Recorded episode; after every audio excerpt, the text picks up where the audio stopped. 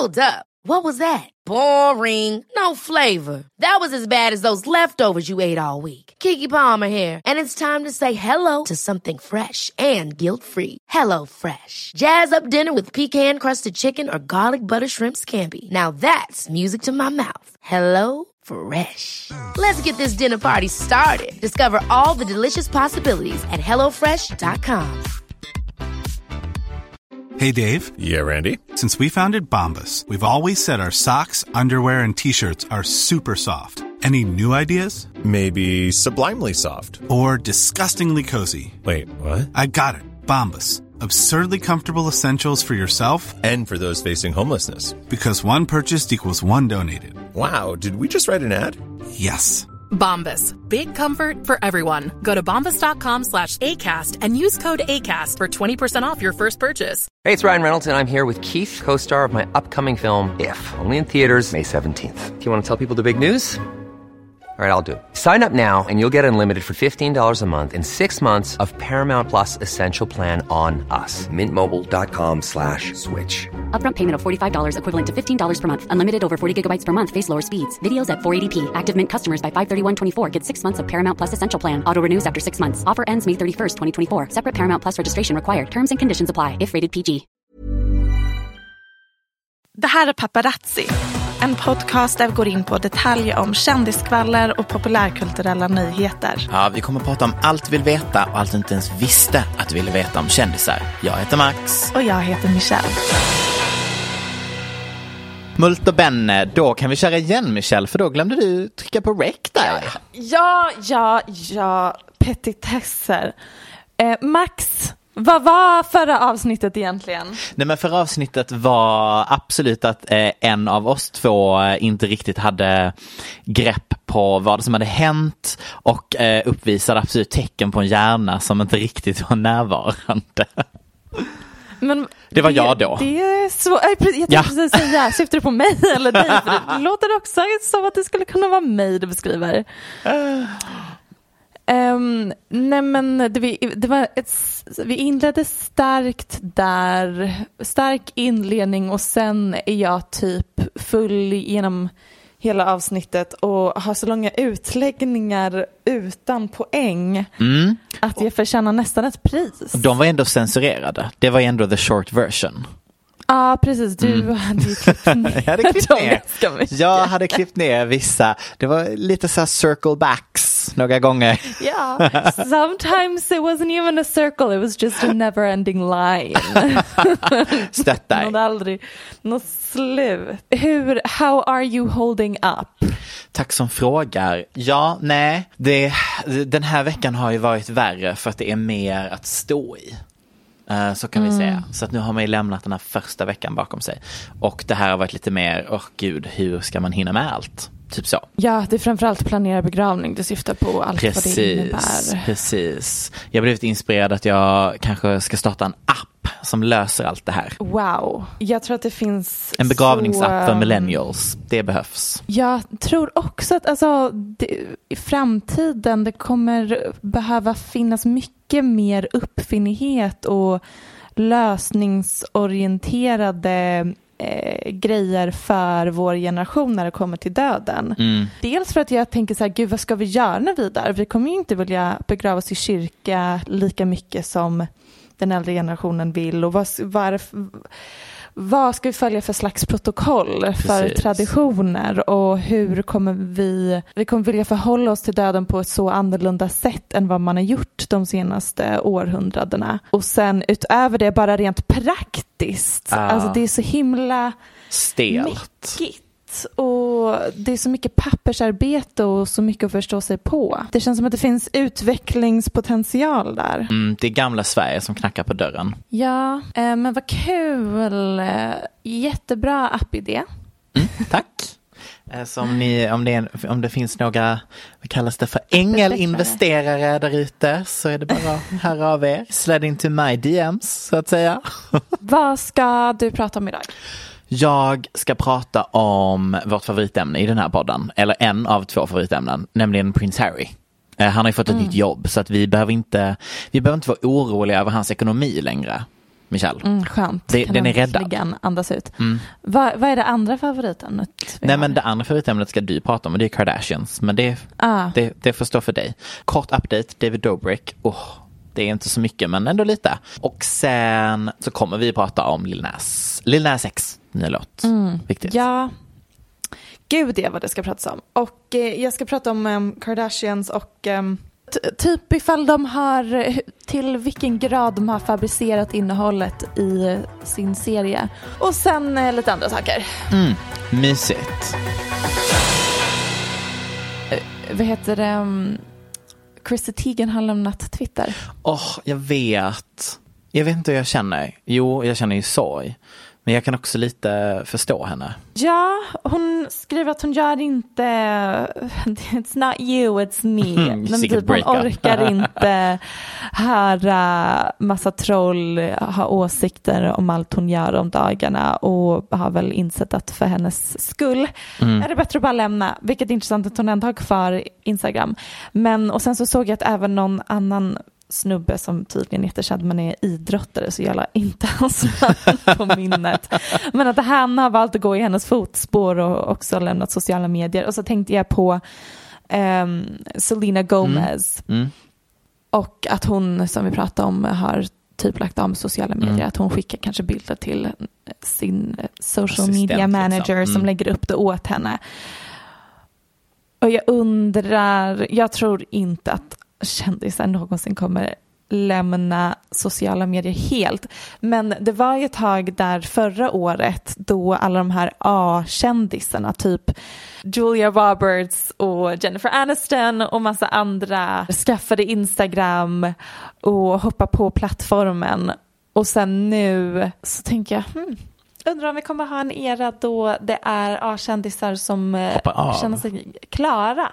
Mm. Det känns väl eh, ändå rätt rimligt. Det känns som att det hade varit en rätt skön våg. Lite svårt för, oss. deras skull.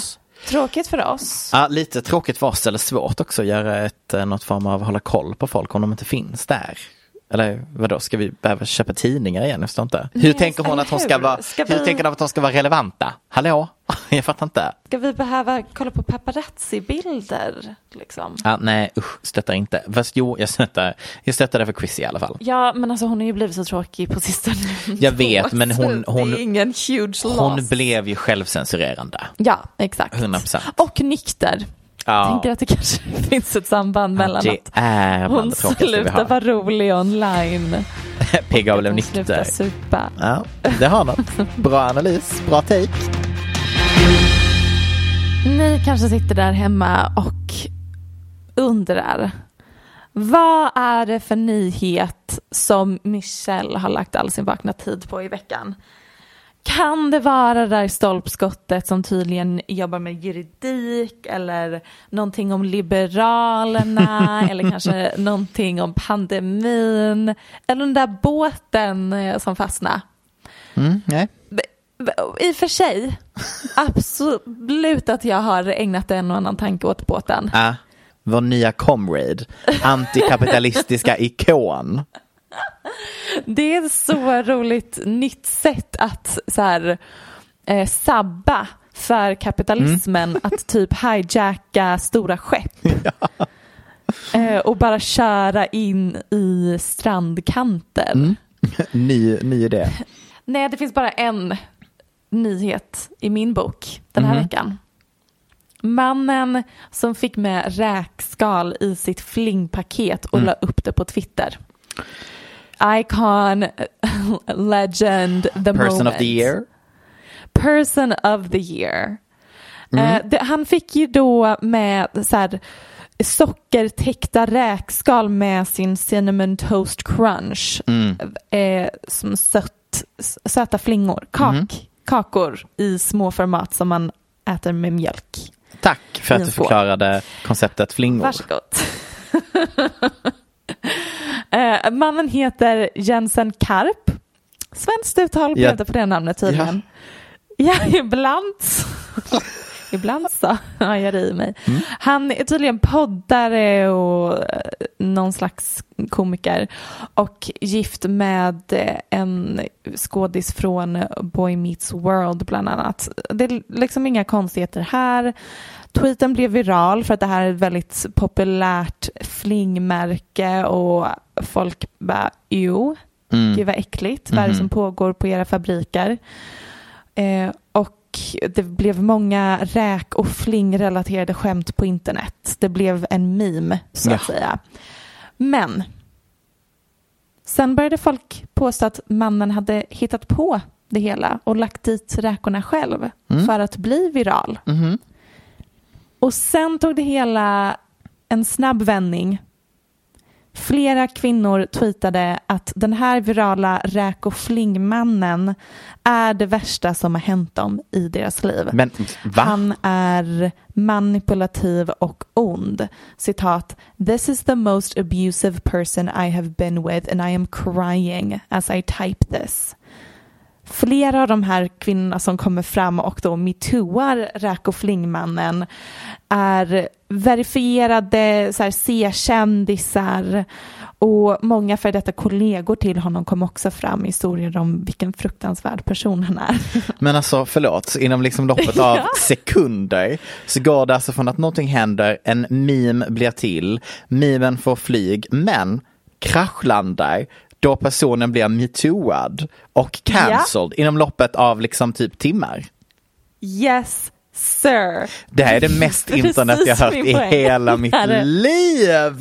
Det här är chaotic 2021 energy. Det här förtjänar en plats i vår samtidsandas hall of fame. Det trumfade faktiskt um, båten. Jag ger dig den. Det gör det. Mm. Båten är ändå stark andra plats. Absolut. Mina alla stackars Ikea-varor som sitter fast i Ja, Suezkanalen. typ kappahlgrejer var Ja, på båten. men det säger också väldigt mycket om var alla våra produkter kommer ifrån. Anyways. ehm, Ja, men det i, på, väst, på västfronten inte ett nytt. a global world. Men jag tyckte det här var eh, sjukaste. Kris Jenner works hard, men PR-teamet för Meghan och Harry, well they work harder. Jag vet inte, har du läst nyheten att prins Harry Jag läste någonting, ja. Ja, ja, ja. ja. fått ett, ett nytt, jobb. jobb. Ehm, han har nu nämligen fått titeln Chief Impact Officer. För, en sån hi- påhittad titel. ja, eh, för en startup-app för mental hälsa Perf- som heter Better Up. Och ja, jag vet inte riktigt vad en Chief Impact Officer gör.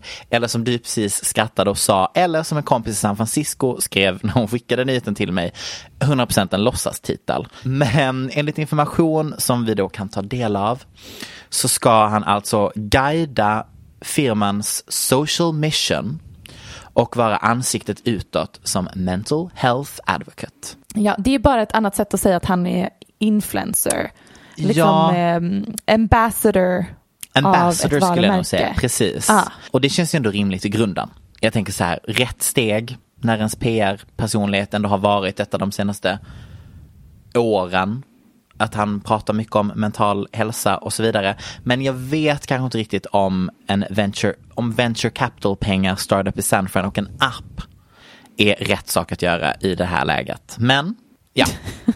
Eh, Harry har i alla fall själv sagt om varför han har tagit den här rollen då, ifall att du undrar. I intend to help create impact in people's lives. Och proactive coaching provides endless possibilities for personal development, increased awareness and an all-around better life.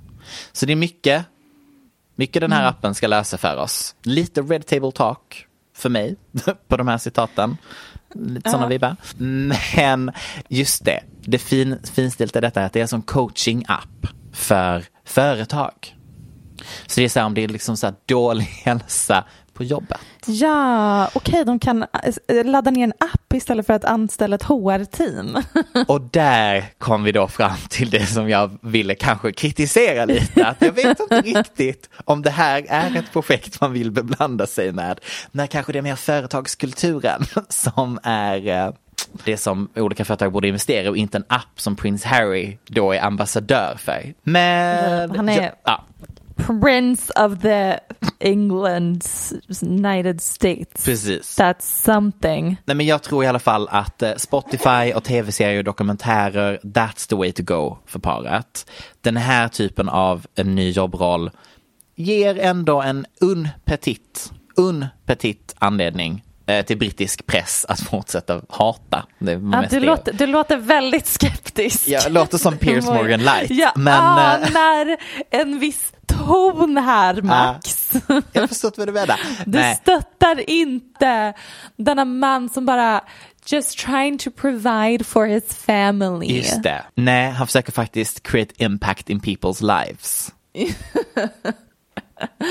Just det. Men det här är ju lite som, det finns ju många kändisar som, dels att man kan bli en officiell ambassador, typ att Kylie Jenner var ambassador for Puma eller något sånt. Vilket basically bara är att de har på sig de kläderna. Och sen som Aaron och Sarah Foster som fick titeln Creative Directors på Bumble. Vilket egentligen bara är att då kanske de är med på någon panel någon gång och skapar uppmärksamhet och lite buzz kring Bumble.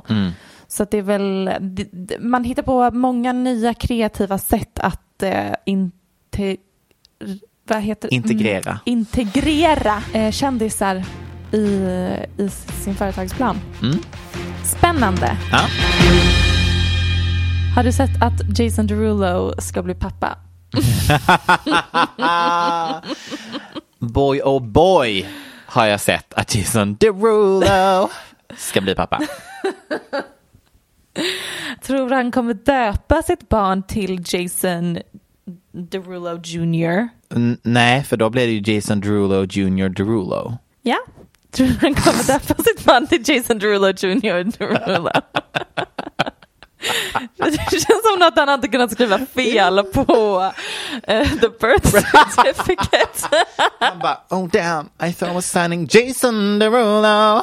Men så var det att han skulle skriva namnet på sitt barn. Ehm, jag tror absolut att vi har en Jason Jr. Kul för honom. Ser fram emot eh, barnets TikTok-konto. Jag ser fram emot nytt eh, så här quirky föräldrar eh, TikTok-innehåll. De kommer ju bli, ja, det, nu spår jag, det, ni hör det här först. Det kommer bli en YouTube-kanal av detta. De kommer hoppa på det mest Absolut. lukrativa vi har som är mamma, pappa, ett barn på YouTube. Folk älskar det. Verkligen. Så jag ser inte att Jason gjorde en business investment med sin sperma här, men ehm, Det, det gjorde han. det gjorde han absolut. Jag har ett problem att eh, när det väl kommer en ny låt som jag tycker om så är det bara den låten jag lyssnar på. Och det är som att allt annat försvinner vilket gör att jag snabbt tröttnar på nya låtar. Mm. Det blir som att det är det enda jag kan spela. Jag kan bara spela två låtar. Eh, inget annat existerar. Och en av dem har ju den här veckan varit Lil Nas X, Call Me By Your Name, eller Montero. Montero? Montero. Montero. Mm. Ehm, fantastisk låt. Jag får uh, kommer ändå Gud, säga ja. att det är lite Panini igen.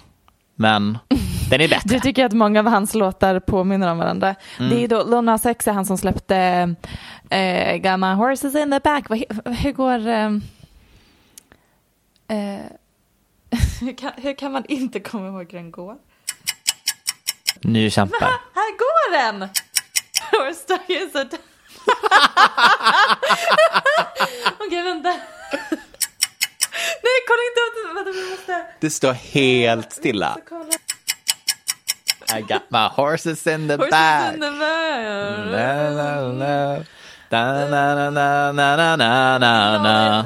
Nej, that's not how it goes. 12 seconds later. Oh, oh, take Old Town Road. Take my horse to the Old Town Road. Gonna ride Till I till can no more. Just det, mm, okej, tack. Jättebra. Det är, det är då den låt som slagit rekord i antal veckor. Den har varit nummer ett på Billboard Hot 100. var typ den mest streamade någonsin. Man hörde den överallt hela tiden. Och ändå hade vi lite problem här. Men, det var eh, det sjukaste.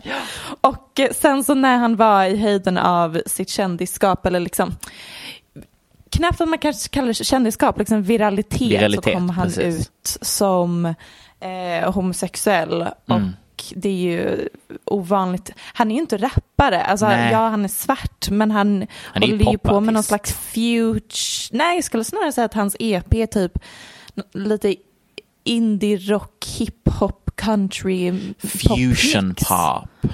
Verkligen fusion. Och en anledning till varför han blev så pass viral var för att först så hamnade han på eh, countrys Mm. Billboard-lista och sen togs den bort. Vilket folk bara, fast hallå, den enda anledningen till varför han inte får vara med som countryartist är för att han inte är vit. Mm. Vita artister gör hiphop-låtar och får vara med på countrylistan. Men Precis. så fort en svart gör någonting som country så räknas det som rap eller hiphop. Mm.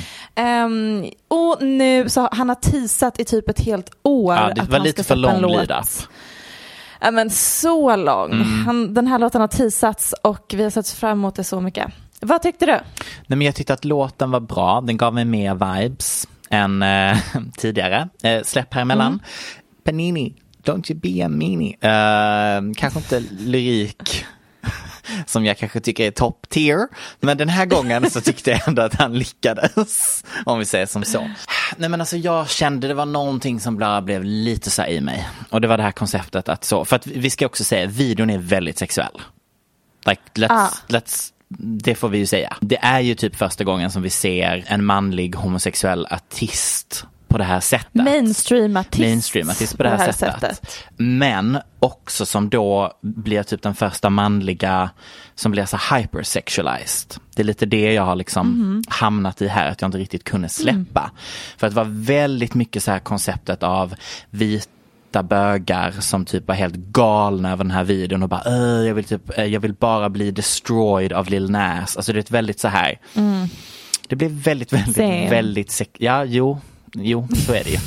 Alltså det uppstår inte samma typ av hypersexualization med typ Troy Sivan eller Grayson Chan, så bara namedroppar jag typ två vita queer-artister här. Nej, men är det... De är inte så lika sexiga. Ja, fast alltså de, de försöker ändå också vara sexiga på sitt sätt, det är det jag menar. Alltså det är ju, Men Lil Nas är liksom the Beyoncé of queer artists. Jo. Han är ju mycket sexigare än de andra. Så det... Jo, men det, ja, men det är också hypersexualization. Alltså det är det det här handlar om.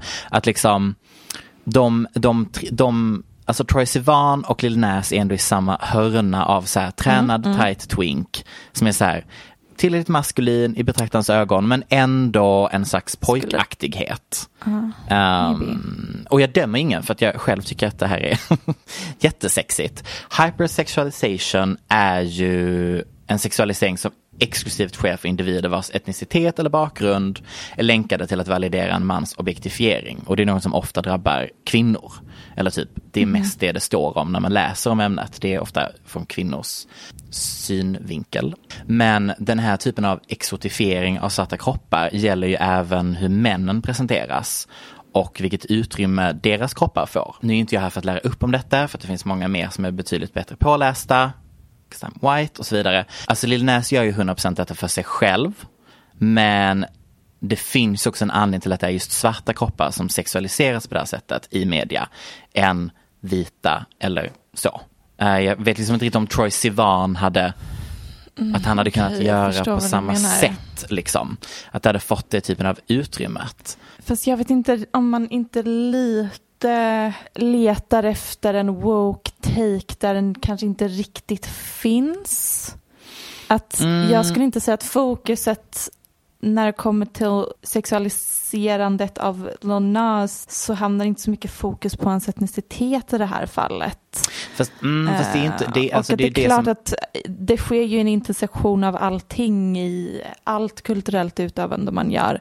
Men att fokusera på hans hudfärg i den här situationen är att lägga fokuset någonstans där jag tror att han framförallt själv inte ens Fast, vill lägga fokuset. fast hypersexualization handlar inte bara om att du aktivt dras till, det är det underliggande, det är inte det uttalade. Absolut, absolut. Och då menar jag på att nej absolut att, att han inte, att det inte är det det handlar om rakt ut. Men det handlar om den här omedvetna sexualiseringen. Vilka typer av kroppar det är vi lyfter för att sexualisera på det här sättet i media. Och det är ju oftast mer svarta kroppar än vita. Fast är det verkligen så att ofta när liksom manliga homosexuella personer porträtteras inom populärkulturen är de ju ofta vita. Liksom. Mm. Det är Brokeback Mountain, det är Call Me By Your Name-filmen. Det här är ju liksom första gången som en afroamerikansk man från en småstad i USA med en religiös konservativ familj liksom bryter den barriären. Mm. Och jag tror att... Men jag menar fortfarande att det är två olika typer av sexualisering. Därför att du, om vi nämner typ Brokeback Mountain eller Call Me By Your Name, båda de, den typen av sexualisering av den vita homosexuella kroppen till exempel, handlar ju fortfarande kring ett narrativ om romans, om eh, att eh, hitta sig själv, alltså den varianten. Det är ju ändå det som även är bakgrundshistorien till låten från Lil Nas. Men alla de här attributen som du också lägger till när du sexualiserar på det här sättet, det tar ju bort, alltså det blir bara sex. Istället för att det blir liksom en, en, ett annat narrativ kring sexet, om vi säger som så. Fast jag skulle säga att det inte är det. Eller du, jag vet inte, när andra kollar på det så kanske de är det de tänker att det här är en låt som handlar om sex och det är det han bygger sitt varumärke kring som artist just nu. Men jag skulle säga att det han bygger hela sitt varumärke kring är just det här att han eh, han tänkte att han aldrig skulle komma ut ur garderoben för att han har växt upp i den bubblan där han bara, som, alltså den världen jag kommer ifrån så är, finns det inte på kartan. Liksom. Jag pallar inte det förtrycket som jag ser att andra homosexuella män i min småstad eh, utsätts för. Så jag kommer aldrig komma ut ur garderoben. Och sen i, i och med att han har kunnat bli mer eh, ekonomiskt självständig och blev en stor artist så insåg han, vänta lite, jag kanske faktiskt kan komma ut ur garderoben och helt plötsligt bli, bygga mitt varumärke och låta min homosexualitet och liksom campig kultur vara en del utav det. Min sexualitet ka- kan få vara en del av min person. Och varumärke, det måste inte vara hela, men det kan vara en stor del av det. Och det finns inte riktigt någon artist inom hiphopen eller poppen, liksom en afroamerikansk artist som har byggt sitt låtit sin homosexuella läggning vara en del av sitt varumärke och vara så mainstream och stor. Så jag ser det typ bara som en positiv sak. För låten handlar ju om att eh, han har insett att även om jag hamnar i helvetet för att jag är bög så hamnar jag hellre i helvetet än att förtrycka den jag är. Liksom. Mm, och sen så uttrycker han det genom att ge djävulen en lapdance. Men jag tycker att det är intressant också det här med hypersexualization, hur det ofta då mest har pratats om och belysts gällande kvinnor. Det finns väldigt mycket studier och artiklar och think pieces om kvinnor, den svarta kvinnokroppen i den här kontexten. Men väldigt, väldigt, väldigt lite om svarta män. Och hur de ändå till stor del också blir, som någon skrev, även om man kan, även om man kan se det som positivt, alltså positiva stereotyper, att man anses vara sexig etc. etc. samma som för kvinnor, eh, så, så leder det ändå den svarta individen ner i en rätt så ohälsosam väg där många så orealistiska, vad ska man säga, förhoppningar påverkar deras romantiska relationer. Och jag tänker att det är lite samma som när vi har pratat om homosexuella, hur vi porträtteras i media. Det var det, alltså, han blir en form av både och. Och det är det jag tycker är så himla intressant. Självklart, rätta mig om jag har fel nu, men jag tänker att en del av din frustration när du ser det här, eller din reaktion när du kollar på den här musikvideon är någon slags frustration över att när homosexuella män kommer in i den populärkulturella kanon, blir mainstream, blir kända för den straighta massan, då är det antingen som så här bögig sidekick, som en kul gimmick, alternativt att de eh, måste hypersexualiseras eller eh, deras identitet och det de blir kända på ryggen av är någon slags fascination för deras sexliv. Mm, mm. Och att det, när man har Lil Nas som är så himla unik i musikindustrin just nu och bland kändisar just nu så tänker jag att när du ser det tänker du såklart positivt på många sätt men också så här har vi inte kommit längre eller så här, Mm. jag skulle väldigt gärna vilja se någonting, någon skildring av homosexuella män som inte är den här super eh, förenklade Mm, mm. bilden av oss. Mm. Ja, alltså, ja. alltså det är ju verkligen en del av det. Alltså det som jag tyckte med det hela var just att det är både, både spektern homosexualitet och ehm, den manliga svarta kroppen som liksom här bara blir en enda eh, liksom blir sexualiserad Ja. från båda hållen if that makes sense. Det var det Ja. jag ville komma till. Och jag tror att det är där, den aspekten av din analys som jag inte eh, delar. Mm. För att jag tycker ju liksom att det är bra och viktigt. Det är därför jag har svårt att, ehm, ja, att helt bestämma mig för vad jag ska tycka. Det går från att jag vill, vill liksom ligga till att jag ifrågasätter, till att jag tycker det är empowering, till att jag blir konfundersam. Men, och det är ju det som literally välkommen till världen av att vara eh, feminist och kvinna de senaste, De eh, senaste. fem, eh, vad det nu blir, sju, åtta Ja. åren. Det är ju literally det som är när Beyoncé kom ut med Lemonade Mm. och man bara okej, absolut.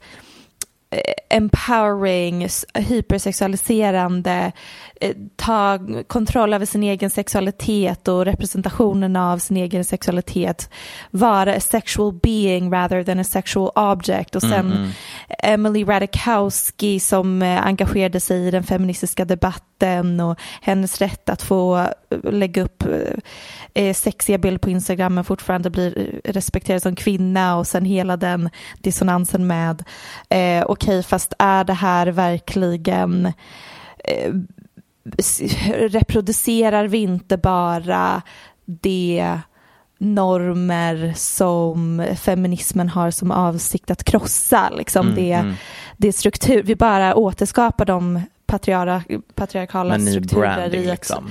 i ett försök att ja, i, i, ja, i vårt försök att, att krossa dem så bara reproducerar vi dem. Mm, mm. Det, det är ju det som har varit pågående de senaste åren och det känns som att man någonstans landat i att it is what it is. Mm, mm.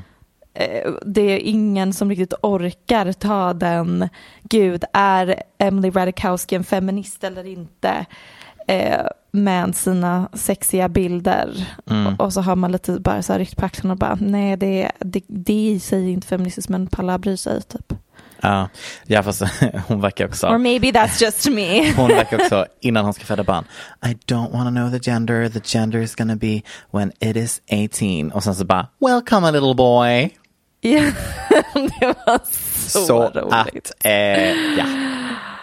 You pick and ja, you men choose det, honey. det finns inte riktigt rätt eller fel. Det Nej fast det är också liksom inte, herregud vi sitter inte här för att vi vill hitta rätt eller fel.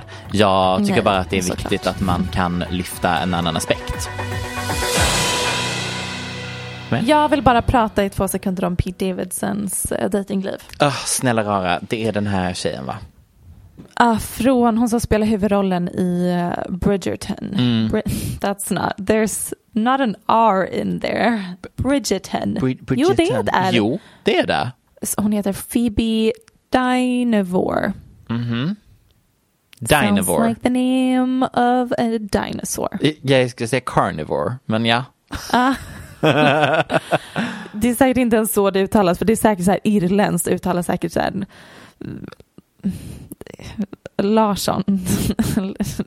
det uttalas inte Larsson, men Va? det så, irländska namn uttalas inte som de.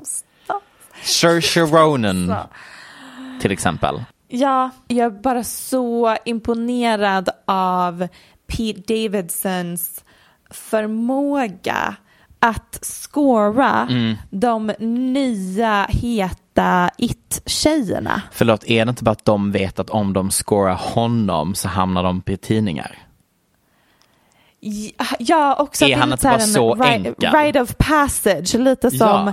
för att bli kvinna får man sin mens, för att bli en off- officiell it-tjej i Hollywood måste man dejta Pete Davidson. Man måste suck så. the dick av Pete Davidson innan man får Ja. lov att bli något annat.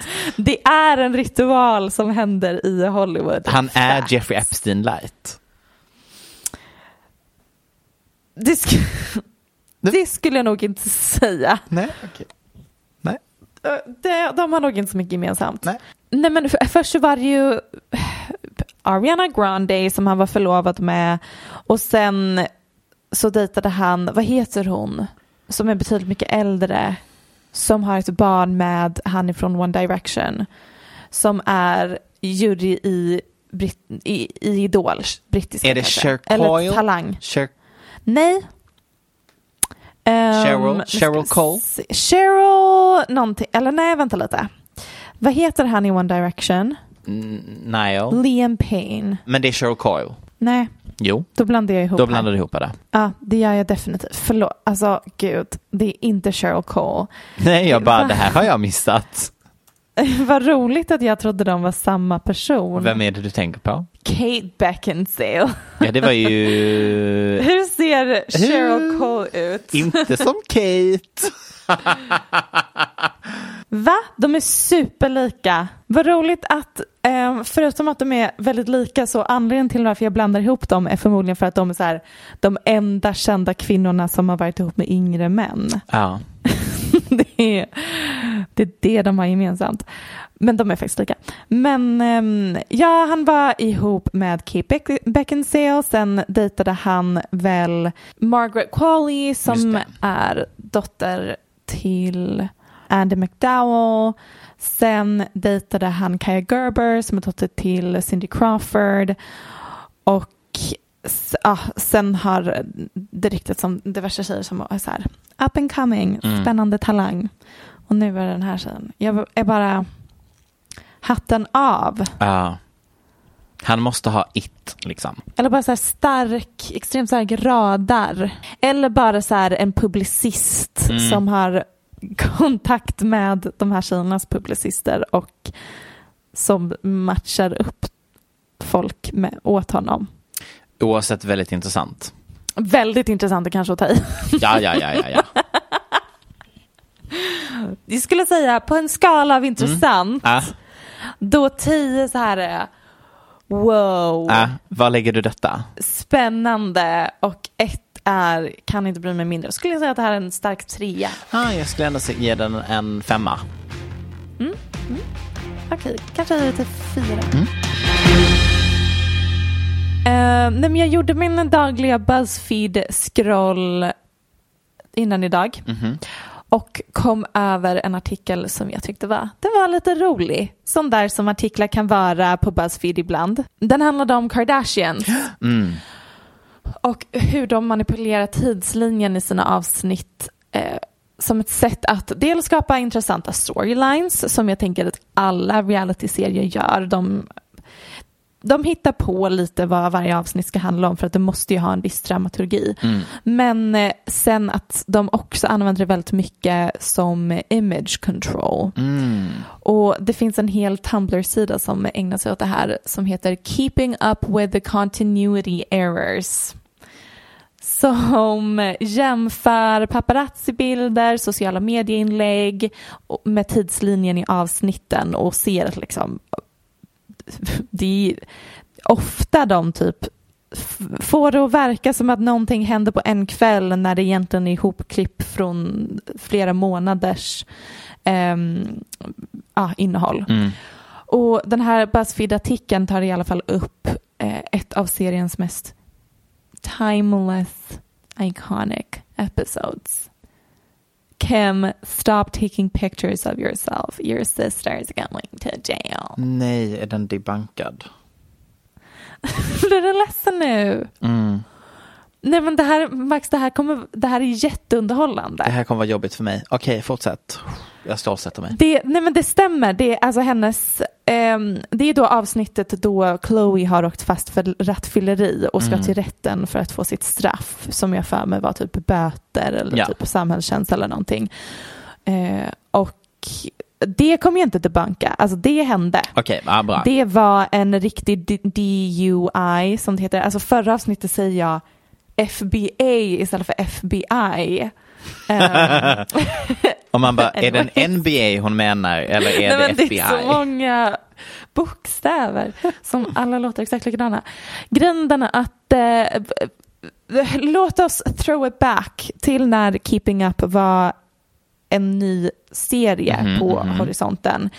Eh, och man minns det typ inte, men i början så försök, försök det blir så mycket saliv i munnen.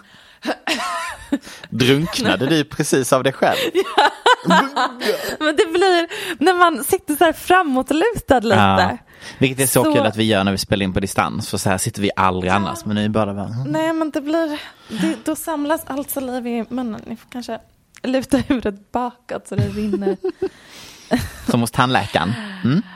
Ja, eh, vad... Eh, jo, eh, när Kardashians började och var nytt så då, nu så tänker man ju att åh, de blev kända för att de byggde sitt varumärke på skandal och drama. Men jag tror att i början så var tanken att de ville branda sig själva som en ganska så, så här familjeorienterad, hardworking, typ girl next door familj med bra familjevärderingar. Lite så här The Valley girl. Ja, och de ville väl, jag vet inte, skapa någon slags kontrast till de tjejerna som var i ropet då, som var bad girls, liksom Lindsay Lohan, Paris Hilton. Kim gjorde liksom en grej av att hon typ var nykter för att utmärka sig från de här. Det, det var viktigt att, att de här var liksom hardworking, ganska konservativ familj som ändå var så här, snygga Valley girls. Eh, men sen så åkte Chloe fast för rattfylleri. Hur ska de göra för att tvätta rent hennes namn? Det här var alltså år 2007, vilket är samma år som Britney Spears bröt ihop.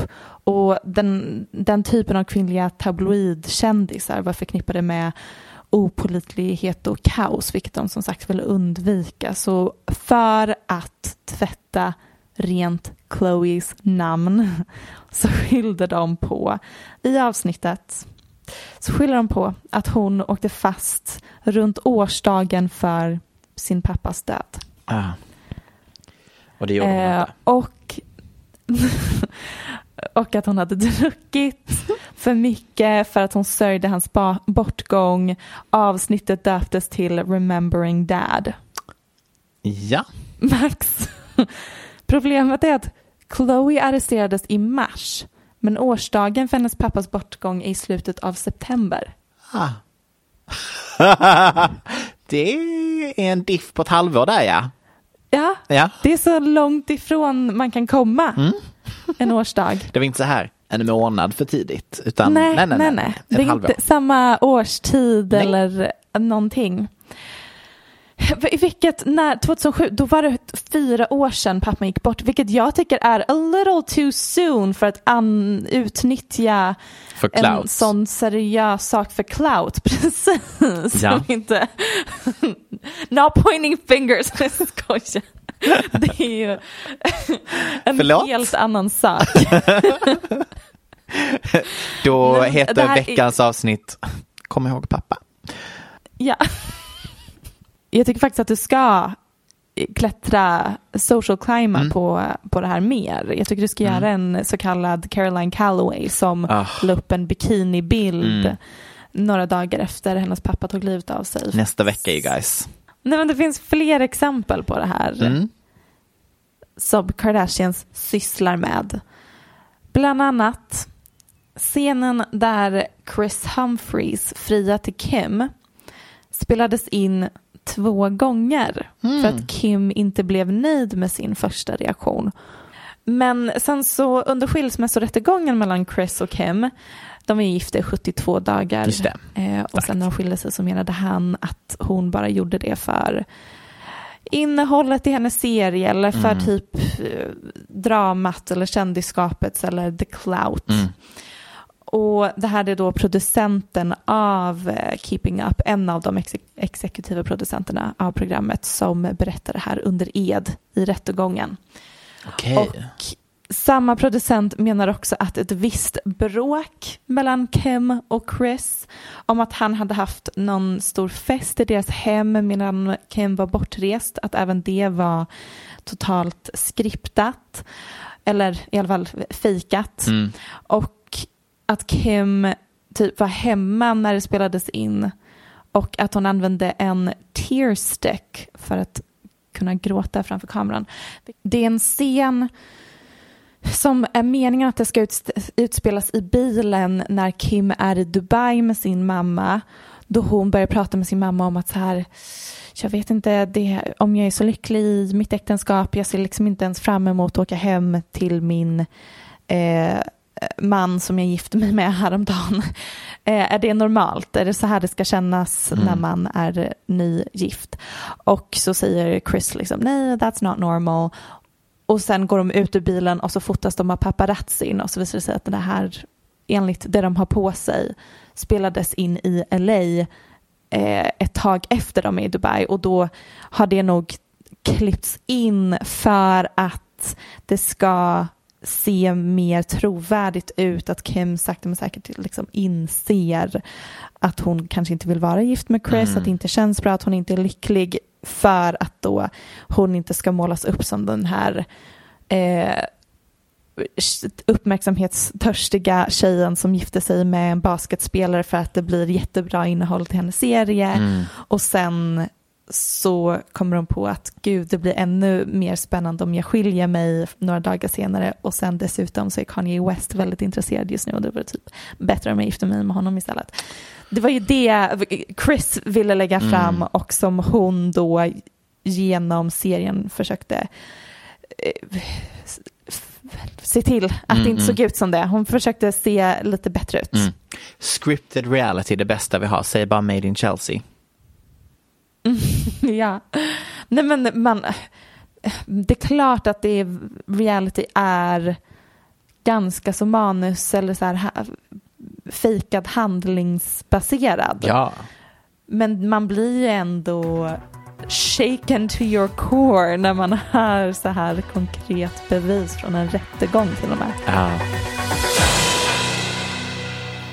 Okej, kort update gällande förra veckans YouTube-skandal. Mm, För när vi, alltså när avsnittet var inspelat, så typ samma natt så kom eh, förlåt video nummer två ut från David. Där han då var mer, eh, vad ska man säga, ångerfull än vad han hade varit i första förlåt-videon.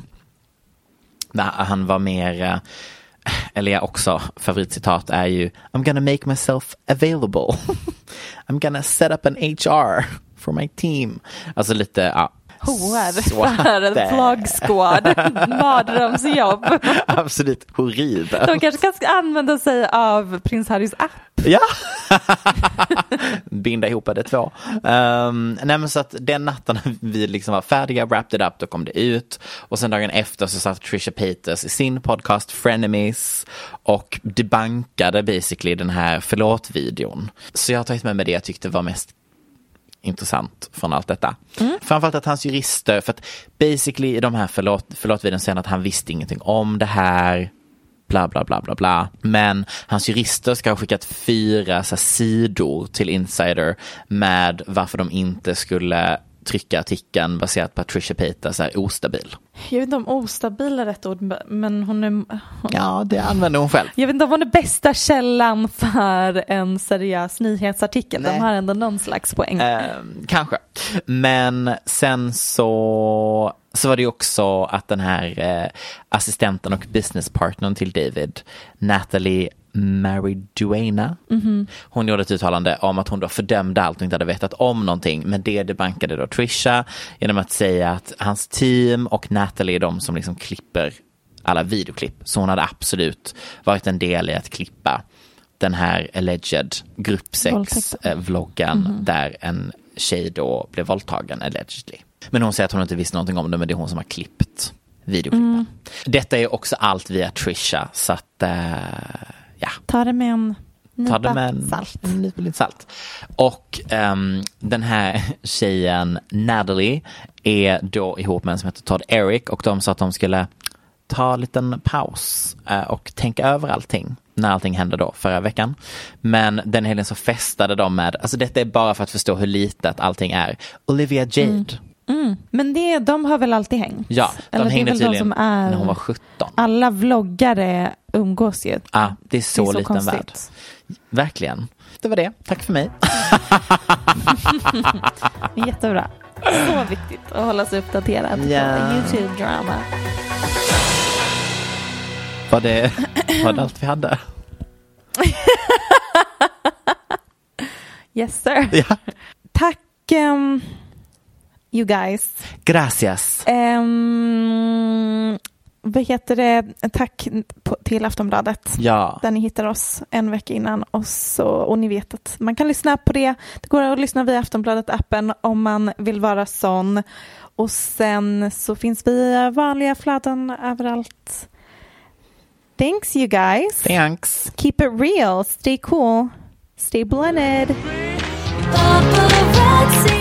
Du har lyssnat på en podcast från Aftonbladet. Ansvarig utgivare är Lena K Samuelsson.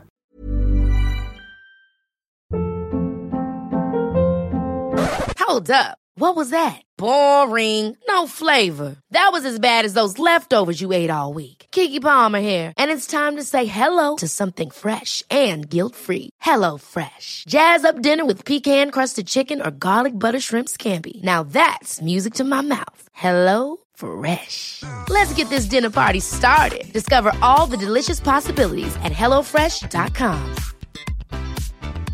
Even when we're on a budget, we still deserve nice things. Quince is a place to scoop up stunning high-end goods for 50 to 80% less than similar brands. They have buttery soft cashmere sweaters starting at $50, luxurious Italian leather bags, and so much more. Plus, Quince only works with factories that use safe, ethical, and responsible manufacturing. Get the high-end goods you'll love without the high price tag with Quince. Go to quince.com slash style for free shipping and 365-day returns.